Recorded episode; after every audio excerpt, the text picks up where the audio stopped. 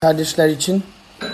Ee, e, bu ilginç zamanlarda bazen e, Rab değişik bir şekilde konuşuyor, yönlendiriyor ve um, ve böyle son günlerde dua edip e, yani Rabbin sözünü okuduğumda gerçekten um, bu metin yüreğimin üzerine geldi ve e, Maria'dan rica etmiştim. Acaba e, metini okuyabilir misin diye. E, Markus 4. bölümdeyiz. E, hepiniz açarsanız daha iyi takip edebilirsiniz. Maria'ya veriyorum.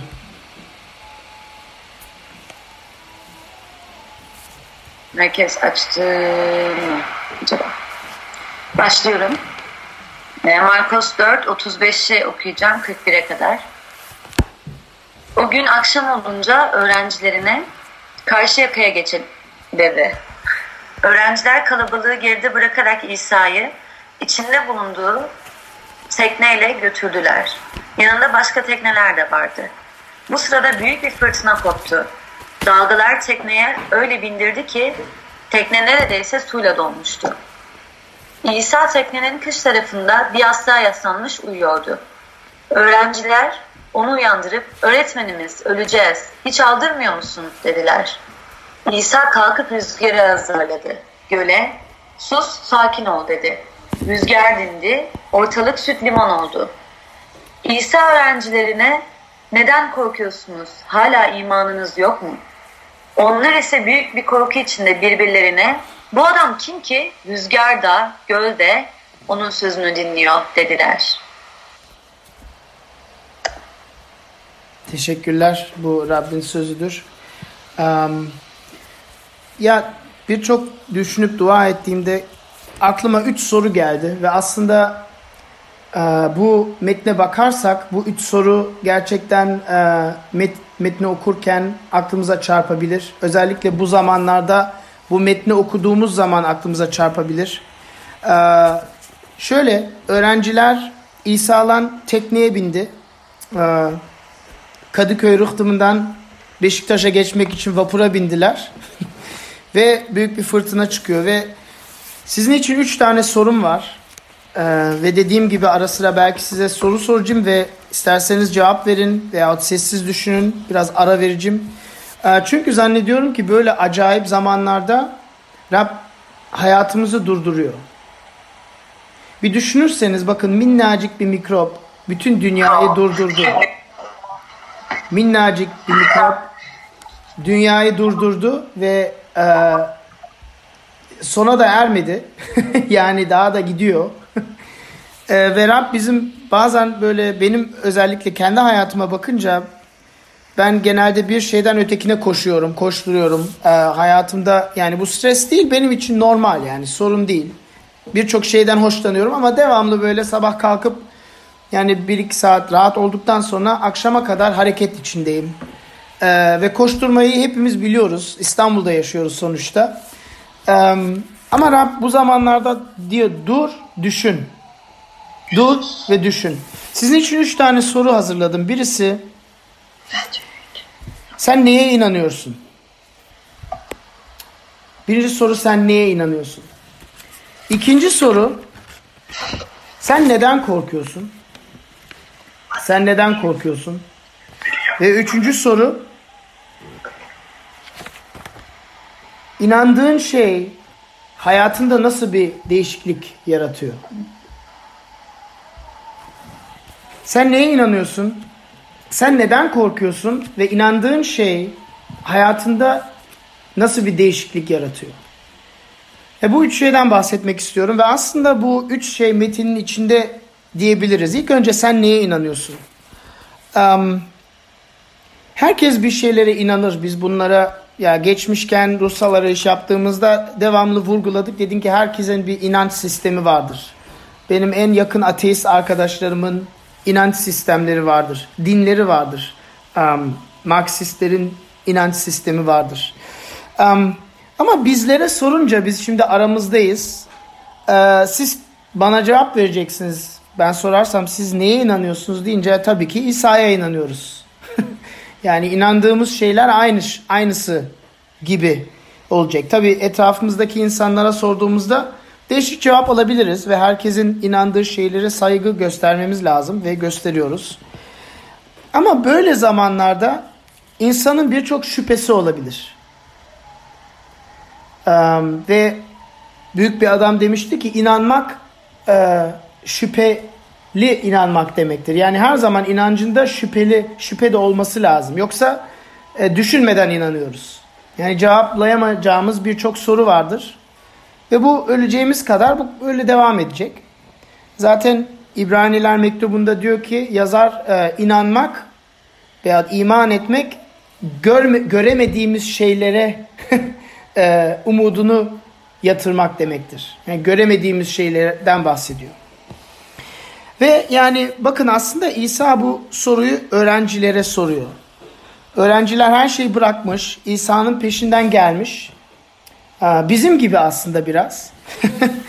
Ve e, yine de bu birkaç ayeti okuduğumuz zaman hiçbir şey anlamamışlar gibi bir durum var. Ve önce size teşvik vermek istiyorum. İlk seviyede biz neye inanıyoruz? Biz kutsal kitaba inanıyoruz. Ve böyle bir metine geldiğimizde İsa büyük bir mucize yapıyor. Ee, yani bunlara inanmak 21. yüzyılda belki saçma gelebilir çevremize. Ama sizi teşvik etmek istediğim şey şu. Bu metinler kesin olmuş. Neden? Üç örnek vereceğim ama bu çok e, kısaca geçeceğim. Bu metnin yazış tarzı ve birçok insan bunu araştırdı. Vincent Taylor diye bir adam var. E, dil bilgisi uzmanı ve yani bütün insan tarihine bakıyor.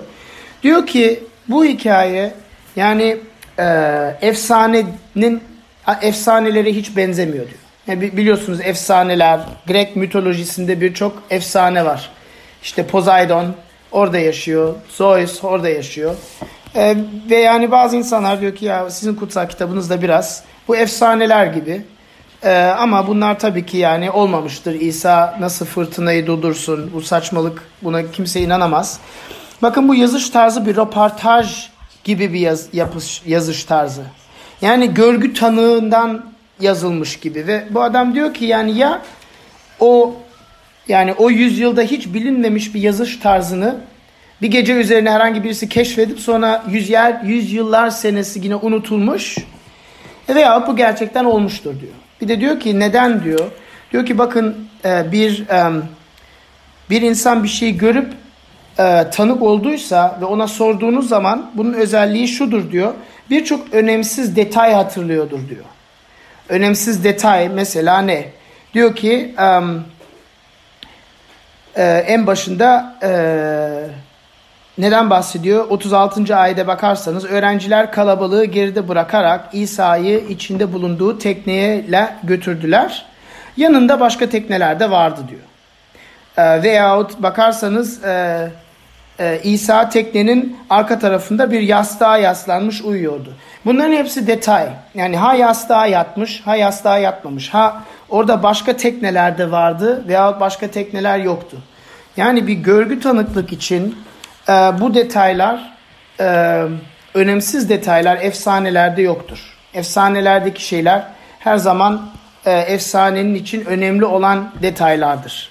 Ama bunlar böyle anlatıldığı zaman gerçekten birisi kendi gözünden görüp bunları yazmış bir durumda bulunuyoruz.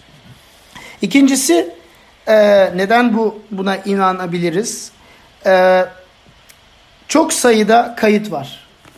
E, ben geçen gün yine ders verdiğimde yeniden bir baktım. E, sadece yeni antlaşmanın 5000 tane e, kaydı var. Elimizde olan. Ve e, onun üzerine 3000 tane e, fragman var. Yani bütün hepsini kapsamayan ayrı ayrı ayrı kap, e, şey var. Ve bunların hepsi yani %99.99 gibi birbirine eşlik ediyor. Çok fazla sayıda e, metin var. Ve çok dürüst yazıyor. Yani dürüst yazıyor deyince İsa'nın öğrencileri sonra bunlar kilisenin önderleri olacağını unutmayalım. E, son derece kötü bir itibar bırakıyor. E, İsa sonunda onları azarlıyor. Önce fırtınayı azarlıyor sonra onları azarlıyor. Neyse yani bu baktığımız şeye inanabiliyoruz diye teşvik vermek istedim. Ama bazen sadece bu değil. Bilmiyorum siz ben size sorduğum zaman siz neye inanıyorsunuz deyince benim aklıma bir Markus'un arka bölümlerde bir öykü geliyor. Bir adam var. Oğlunun e, İsa oğlunu iyileştirmesini istiyor ve İsa soruyor sen iyileştirebileceğime inanıyor musun? İman ediyor musun diyor. Ve babanın cevabı çok ilginç. Diyor ki iman ediyorum. İmansızlığımı yenmeme yardım et. İman ediyorum. İmansızlığımı yenmeme yardım et. Yani bu aslında biraz biziz. Yani bir yandan iman ediyoruz ama bir yandan diyoruz ki ya Tanrı varsa ve iyiyse ve insanları bu kadar seviyorsa neden bu durumdayız? Neden evlere kapanıyoruz? Neden birçok insan ölüyor? Neden hala buna karşı aşı yok? Neden bu iş ne kadar süreceğimizi daha bilmiyoruz bile? neden neden neden? Neye inanıyoruz? Bu zamanlarda neye inanıyoruz?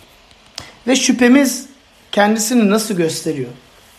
Bilmiyorum sizlerden duymak isterim. Sizin ya ben bu zamanlara baktığımda yani Covid-19'a baktığımda e, bu gerçekten çok ciddi bir şey olduğunu düşünüyorum. Daha yeni keşfediyor insanlar ne kadar geçici yani ne kadar insana zarar verici bir durum olduğunu ve aklıma birçok şey geçiyor. Tabii en yani ne olacak, ne bitecek, ekonomi ne olacak? Sizin aklınızda neler geçiyor?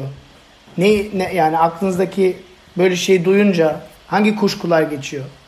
Evet, e, ilk soru e, sen neye inanıyorsun e, idi ve yani öğrencilere bakarsak bir düşünmemiz lazım. Yani İsa'nın hala kim olduğunu anlamamışlar gibi bir durum var ve bunu okuduğumda ve devamlı okuduğumda ben de kendimi soruyorum. Acaba ben hangi derecede hala İsa kim olduğunu anlamamışımdır? Ee, nereden anlıyorum bunu anlamadığımdan? Hayatımın pratiğinden anlıyorum. Ona sonradan geleceğiz. Ee,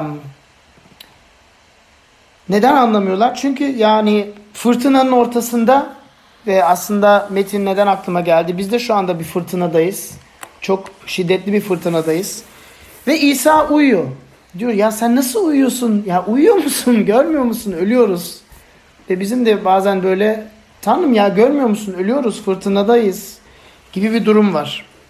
Bizimki fırtına adı Covid ama neye inanıyoruz? Gelelim ikinci e, soruya. Neden korkuyoruz? Siz neden korkuyorsunuz? Bu zamanda neden korkuyorsunuz? Bazı şeylerden bahsettiniz zaten. Ve Rüveyda da bahsetti. Bu soruyu sormadan geçiyorum. Ama bakın ilginç bir şey öğrencilere bakarsanız 39. ayete bakarsanız öğrenciler fırtınadan çok korkmuş bir durumdalar. Ve bakın aklınızdan bunu unutmayalım. Bunlar balıkçı. Bunlar tanımadığı bir yere gittikleri bir durum yok. Oradaki denizi biliyorlar. Oradaki coğrafyayı biliyorlar. Her gün gidip balık tutmaya çıkıyorlar. Ve orada birçok fırtına olduğunu da biliyoruz. Okuduk. Tarih kitaplarında var. Çünkü coğrafik e, dağların olduğu yer, e, denizden gelen rüzgarlar filan falan. Yani bunlar denizci. Denizci denizden korkar mı ya? Denizci denizden korkmaz ama o kadar şiddetli bir fırtına var ki herhalde gerçekten öleceklerinden korkuyorlar. Korkuyorlar ve çok korkuyorlar. Biz neden korkuyoruz? Biz Covid-19'dan mı korkuyoruz? Bu dünyanın biteceğinden mi korkuyoruz? Çok ilginç olan bir şey İsa'yı uyandırıyorlar. İsa fırtınayı sindiriyor. Hatta böyle yani bu tercümede biraz e, yanlış ya yanlış değil de biraz abartma yani rüzgarı azarladı. Aslında Grekçe'de sadece bir sessiz konuştu gibi bir kelime var. Yani ne böyle sus dur filan değil. Sus. Sus. Ya böyle yani normal bir sesle. Ve her şey susuyor. Hatta sadece deniz dinliyor değil buradaki kelime süt liman kelimesi yani deniz çarşaf gibi oldu. Bilmiyorum ee, yazın denize gittiğiniz zaman, sabah erkenden kalktığınız zaman e, belki herkesten evvel yalnız gidip e, sahilde dua etmek için yaptığınız zaman bazen böyle deniz çarşaf gibi oluyor. Yani o fırtınadan çarşaf gibiye dönmüş. Ve öğrenciler ne oluyor? Daha da çok korkuyorlar. Daha da çok korkuyorlar. Bu çok ilginç değil mi? Biz neden korkuyoruz? Biz neden korkuyoruz? En başında fırtınadan korkuyor öğrenciler. Fırtına dindiğinden sonra İsa'dan korkuyorlar. İsa'dan korkuyorlar. Neden İsa'dan korkuyorlar? İsa fırtınadan da daha tehlikeli olduğunu anladıkları için İsa'dan korkuyorlar. İsa fırtınadan, doğa güçlerinden de daha güçlü olduğu için İsa'dan korkuyorlar. Hatta sonunda diyorlar bu adam kim ki? Rüzgarda, gölde onun sözünü dinliyor. Bakın Danimarka tarihinde ilginç bir e, episod var. E, bir e, kral var. Knut. Knut kralı. Ve bu Knut kralı e, e, çok cesaretli birisi. E, ve e, halkı ona devamlı tanrı muamelesini yapıyor. Yani çok övüyor bilmem ne. E, diz çöküyor, dua etmeye başlıyor. Adam da e, kafası yapısı biraz değişik bu Knut kralın. Diyor ki gelin benimle diyor. Biliyorsunuz Danimarka'nın deniz kıyısı var. Danimarka'nın deniz kıyısına giriyor. Denize bağırıyor. Sus diyor. Ve deniz tabi devam ediyor. Sonra halkına dönüyor. Diyor ki bana Tanrı muamelesini yapmayı bırakın diyor. Görüyorsunuz ki deniz benim sözümü dinlemiyor diyor. Bu sadece Tanrı'nın sözünü dinler diyor. İsa burada denizi azarlıyor. Ve öğrenciler bir şey anlıyor. Evvelden fırtınadan korktuk. Hayatımızı kaybedeceğimizden korktuk. Canımız acıyacağından korktuk. Ama şimdi İsa'dan korkuyoruz. Bakın fırtına bitti. Acaba biz bu dersi öğrendik mi acaba? Kendi hayatımızdan bahsediyorum. Biz gerçekten neden korkuyoruz? Geçen hafta Hakan abi geldi. Çok güzel bir vaaz verdi. Dedi ki Paulus'un sözlerini tekrarladı. Dedi ki Paulus şöyle diyor. Hayatım İsa için ve ölümüm benim iyiliğim. Filiplilerde. Yaşarsam İsa için yaşıyorum, ölürsem de daha da büyük zenginliklere kavuşacağım. Yani sonunda şöyle bir şey diyor. İsa'nın kim olduğunu, neye inandığımız ilk soruya geliyorum. Neye inanıyoruz?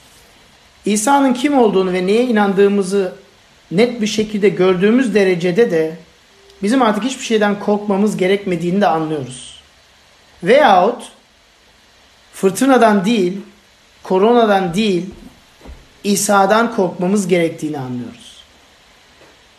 Ve sana aslında iki tane seçenek veriyor ve bu her insan için geçerlidir. Bu dünyadaki yaşayan her insan ya dünya güçlerinden korkar, kaostan korkar. Bir gün güneş sönecek, her şey e, evrim çökecek ve hepimiz fena bir şekilde berbat olacağız diye bir kaostan korkar. E, ve bu benim için çok büyük bir korku. Çünkü doğa güçlerinden başka bir şey yoksa doğa güçler kişisel değil. Ne sevgisi var, ne duyguları var, ne hisleri var. Sadece soğuk bir varlık, fizik kanunu. Yoksa gerçekten Tanrı'dan mı korkuyoruz? Üçlü bir Tanrı'dan mı korkuyoruz? Ondan korkuyorsak biraz daha teşvik verici. Çünkü Tanrı sevgidir. İsa'nın hayatına baktığımız zaman kendini feda eden bir Tanrı görüyoruz. İnsanları o kadar sevip kendini tamamen kurban eden bir Tanrı görüyoruz. Her şeyi olduğuna rağmen zenginlikte yaşayıp e, büyük bir armoni içinde üçlü birlik varlığında yaşayan bir Tanrı olduğuna rağmen sevgisini paylaşabilmek için bir eksikliği olduğu için değil. Evrimi yaratıyor, bizleri yaratıyor ki bizler onu tanıyalım diye. Bizler de onun e, coş, coşkusuna katılabilelim diye. Bizler de onunla beraber mutlu olalım diye. Kimden korkmak istiyoruz? Kimden korkuyoruz? Bu zamanlar haberlere baktığımız zaman neden korkacağız? Doğadan mı? Evrimden mi? Kaos güçlerinden mi, koronadan mı yoksa İsa'dan mı? Öğrenciler burada çok ilginç bir şey yaşıyor. Önce doğadan korkuyorlar. Sonra İsa'nın gerçekten kim olduğundan karşı karşıya geldiğinden İsa'dan daha da çok korkuyorlar.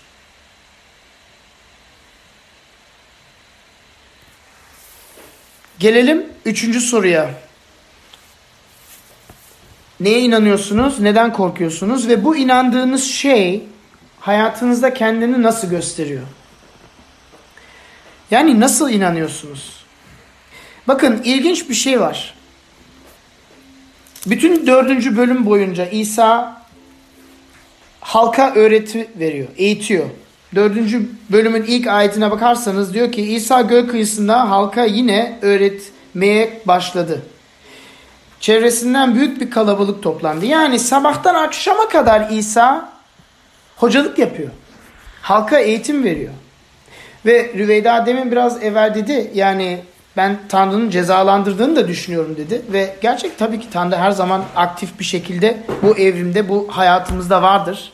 Ama ilginç bir şey dikkatinizi çekmek istiyorum. Bu fırtınayı kim yaşadı? Halk yaşamadı. Sabahtan akşama kadar halka eğitim verdi. Benzetmeler anlattı. Sonra ne diyor? O gün akşam olunca öğrencilerine karşı yakaya geçelim dedi. Peki denize gitme fikri kimden kaynaklandı? Öğrenciler mi dedi? Hadi hocam gidelim şu denizden geçelim. Bak ne güzel şu. Ya şu vapura binelim Kadıköy'den Beşiktaş'a geçelim. Ne güzel bir hevesli bir seyahat. Denize çıkalım. Hayır. İsa'nın teklifi. Öğrenciler söz dinliyor. Söz dinlemenin neticesi olarak fırtınanın tam ortasında buluyorlar kendilerini. Bu bizim düşüncemizi biraz alt üst edebilir. Öğrenciler söz dinliyor, itaat ediyor. İsa diyor ki gel geçelim karşıya diyor. Öğrenciler de tamam. Öğrenciler kalabalığı geride bırakarak İsa'yı içinde bulunduğu tekneyle götürdüler. Tamam hocam sözünü dinliyoruz baş üstüne. Ve şak diye fırtınanın ortasındalar. Ve İsa uyuyor. Çok ilginç değil mi? Bizim düşüncemize biraz karşı değil mi? Yani söz din, söz dinlemenin ödülü bu. Şöyle diyebiliriz. Aslında gerçekten bir ödül. Çünkü İsa halka değil öğrencilerine sadece bu öğrencilerine gerçekten kim olduğunu göstermek istiyor. Kim olduğunu ve ne olduğunu gerçekten sadece onlara göstermek istiyor. Ve bu bir özel bir hak. Herkese tanımıyor bunu. Ve bizim de bu zamanda yaşamamız ve bunu belki bunu böyle görmek çok zor. Belki diyeceksiniz ki valla şimdiye kadar her şeyini beğendim ama burada katılmıyorum sana. Olur tamam. Rab hepimizi bereketlesin. Biz bu yaşamdaki bu zamanı geçirmemiz belki bir özel seçilmiş durumumuz. Çünkü Rab böyle şeyler yaptığı zaman bir Çin atasözü var. Diyor ki insanlar bazen Rab'be yalvarıyor veya Tanrı'ya yalvarıyor veya kaos güçlerine yalvarıyor. Bütün hayatı perişan e, olduğu zaman, hayatı paramparça olduğu zaman göğe diyoruz ne oluyor, ne yapıyor diyorsunuz ve sonra asıl Tanrı'nın o hayatını paramparça ettiğini görüyoruz. C.S. Lewis başka türlü söylüyor. Diyor ki genel hayatımızda Tanrı'nın sesini duymuyoruz diyor sağırız. Sadece hayatımızı durdurduğu zaman, hayatımızı temellerini sarstığı zaman birdenbire duyuyoruz. Tanrı'nın sesini duyuyoruz. Ve biz sadece kendimizi düşünmeyelim, etrafımızdaki insanları da düşünelim. Bu zamanda ve tar insan tarihinde böyle bir şey olmamıştır da. Bu zamanlar insanların duyma kabiliyeti, işitme kabiliyeti, müjdeyi anlama kabiliyeti normal zamanlardan en azından 10, 100, bin kat yüksektir. Bu bir sevgi armağanı da olabilir. Ben acı getirmiyor, getiriyor demiyorum. Bakın her gün binlerce insan ölüyor dünyada. Milyonlarca hatta. Her gün dünyanın fakir ülkelerinde milyonlarca çocuk açlıktan ölüyor. Biz şimdi koronaya odaklandık. Ama bu normalde olmayan bir gerçek değil ki. Ama Rab bizi sarsıyor. Diyor ki bak sen o kör gözlerinden bir bak etrafına bak diyor. Ve o etrafını da düşün ve ben kim olduğumu düşün diyor. Biz nasıl inanıyoruz ve inandığımız şey hayatımızda nasıl bir katkıda bulunuyor? Bakın öğrencilere neden bu özel dersi veriyor İsa? Çünkü onları sonra nasıl görevlendirdiğini biliyoruz. Ne diyor öğrencilerine? Siz tuz olun diyor. Tuz olun diyor. Peki tuz ne yapıyor? Geçmiş vaazlardan da bahsettik. Tuz eski zamanlarda etin veya bes, e, başka ürünlerin bozulmasını engelliyor. Yani biz bu dünyanın tuzuysak biz bu dünyanın bozulmasını engelliyoruz. Nasıl engelliyoruz? Tuzu etin üzerine serptiğinizde tuz ne oluyor? Kayboluyor. Tuz kendini feda ediyor. Bu zor bir mesaj.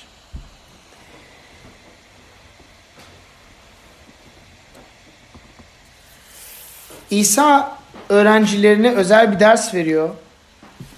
Ve çarmıhta da bu dersin en güzel örneğini sadece örneğini değil güçlen kendisini feda ederek bize niye görevlendirdiğini gösteriyor. Ve başka bir zamanda diyor ki İsa siz sadece çevrenizdeki ailenizi, arkadaşlarını severseniz günahkarların farkı ne diyor? Onlar da aynı şeyi yapıyor diyor. Değil mi? Günahkarlar da sadece onların çevrelerindeki insanlarına iyilik yapıyor diyor. Sizin farkınız olması lazım diyor. Ne diyor en sonunda? Düşmanlarınızı bile sevin diyor. Bakın bu mesaj çok pratik bir mesaj.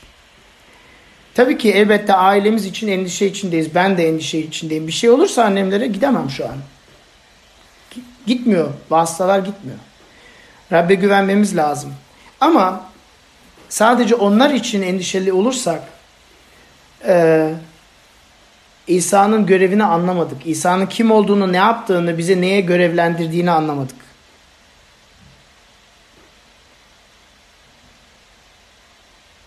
Bakın hayatımız başkalarının nasıl bir katkıda bulunabilir? Ve insan tarihi ben bu Covid yüzünden birçok eski yüzyıllarda yaşayan Hristiyan önderlerin hayatlarını okumaya başladım. Um, veba zamanlarında hizmet eden adamların hareketlerini okumaya başladım. Ve adamlar yani çok ölümcül bir şey. O zaman da evine kapanıp kendi emniyetine bakmak varken gidip en zayıflara hizmet etmişler Hristiyanlar. Kendini feda etmişler. Bu bizim için biraz acayip gelebilir. Ama Hristiyanlık böyle yayıldı. Ee, birkaç hafta evvel bir vaazda örnek olarak kullandım ama gerçekten ağır bir örnek. Bir düşünün. Ben şimdi dışarı çıkın herkesi öpün demiyorum. Beni yanlış anlamayın. Tabii ki elbette kendimizi emniyete almamız lazım ama sadece kendimizi düşünürsek, bizim sevdiklerimizi düşünürsek o zaman biz de İsa'nın kim olduğunu anladığımız sayılamaz. Söyleyemeyiz yani. Ve bu bunu yapmak için bu görevi yerine getirmek için nereden teşvik alacağız? Bakın teşviği şuradan alacağız. İsa'dan yüzyıllarca evvel başka bir adam vardı. Tanrı'dan koşuyordu. Ve o, o da gemideydi ve uyuyordu. Ve bir fırtına çıktı. Yunus peygamberden bahsediyorum. Kitabını okuyabilirsiniz. Çok güzel kitap. Eski ayette. Yunus neden uyuyordu? Yunus Tanrı'dan kaçıyordu. Tanrı'nın sözünü dinlemiyordu. Ve sonunda ne dedi? Beni fırt beni denize atın dedi yoksa kurtulamayacaksınız dedi. Çünkü o fırtına gerçekten bir ceza olarak geldi. Kimin cezası? Kilisenin cezası. Yunus İsrail halkına dahildi. Ve bu kitabı kitap okursanız çok çok kısa birkaç bölüm ama çok ilginç, devamlı imanlı insanları imansız insanlardan daha fazla iliştiriyor. Yunus'tan gemide olan, teknede olan insanlar imansız başka tanrılara inanıyorlar ama daha dürüst davranıyorlar. Yunus kendi günahı için ceza içine uğruyor ve onu da Rab kurtarıyor, balık gönderiyor. Biliyorsunuz o öyküyü. İsa ne oluyor? İsa bu hikayede fırtınaya atılmıyor. Hayır burada fırtınaya atılmıyor ama sonra çarmıha gerildiğinde asıl fırtınaya kendisini atıyor İsa. Bu fırtına nedir? Günahın pahası. Hepimiz günah gölgesinin altında yaşıyoruz. Hepimiz, hiçbirimiz Tanrı'nın istediğini yerine getiremedik. Ve onun için İsa kendisini atıyor. Tanrı'nın gazabını üstleniyor ve çarmıhta ölüyor. Bizim için. Bizi kurtarmak için. Bizim korkumuzu almak için. Artık hiçbir şeyden korkmanız lazım değil diyor İsa. Ölümü de yendim diyor. Hastalıkları da yendim diyor. Her şeyi yendim diyor. Sizin için ödü, ölüm sadece bir geçit kapısı diyor. Ki buna bakarak biz de bu hayattaki küçük fırtınalarda değişik bir duruşla karşı karşıya gelebilelim diye. Sizden şimdi bir şey isteyeceğim. Vaaz dinlemek güzel bir şey ama bunu pratik yapmazsak hiçbir katkıda bulunmaz. Sizden bir şey isteyeceğim ve Perşembe günü çay sohbet gruplarında da e, bunu konuşacağımız konuşacağız. Lütfen oturun dua zamanında ailece elinize kağıt kalem alın ve beş kişi yazın. Bu beş kişi etrafınızda aile olmasın. Aile olabilir ama sadece olmasın. Hatta isterseniz düşmanlarınızla başlayın. En çok nefret ettiğim insan şu an kim? Ve onun için bu gelecek haftalar için dua edin. Dua edin. Belki mesaj atın. Belki telefondan arayın. Nasılsın? Durumun nasıl? Sana yardım edebilir miyim? Senin için dua ediyorum.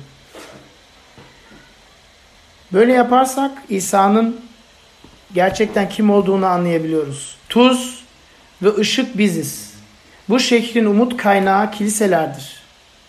Bu krize karşı herhangi bir şey verebilecek katkıda biziz. Bunu bilinçli bir halde sabah uyanınca bunu bilinçli bir halde yaşayalım. Dua ediyorum. Listeyi yazmayı unutmayın. Tamam. Rab sana şükrediyoruz. Um, ve gerçekten bir fırtınadan geçiyoruz. Ve bu fırtına uh, değişik bir fırtına ve insan tarihinde hiç görülmemiş bir şekil almakta. Ne kadar süreceğini sen biliyorsun Rab. Um, neden yaptığını sen biliyorsun ama biz şunu biliyoruz. Sen iyisin, sen sevgisin. Sen insanların sonsuz cehenneme kaybolmasını istemiyorsun. Sen insanların sana dönüp kurtulup tövbe etmesini istiyorsun. Ve bunu belki bütün dünyada bunun için kullanmak istiyorsun. Belki bu gerçekten bir sevgi armağanıdır. İnsanları uyandırmak için, dürtmek için. Lütfen sadece bizim kiliseyi değil, bütün İstanbul'daki, Türkiye'deki, Orta Doğu'daki, bütün dünyadaki kiliseyi güçlendir. İmanlıları güçlendir. Senden korktuğumuz şey sensen o zaman lütfen etrafımızdaki insanlara sevgiyle, e, bencilsizlikle karşı karşıya gelip onları sevelim. İsa'nın adına dua ediyorum. Amin.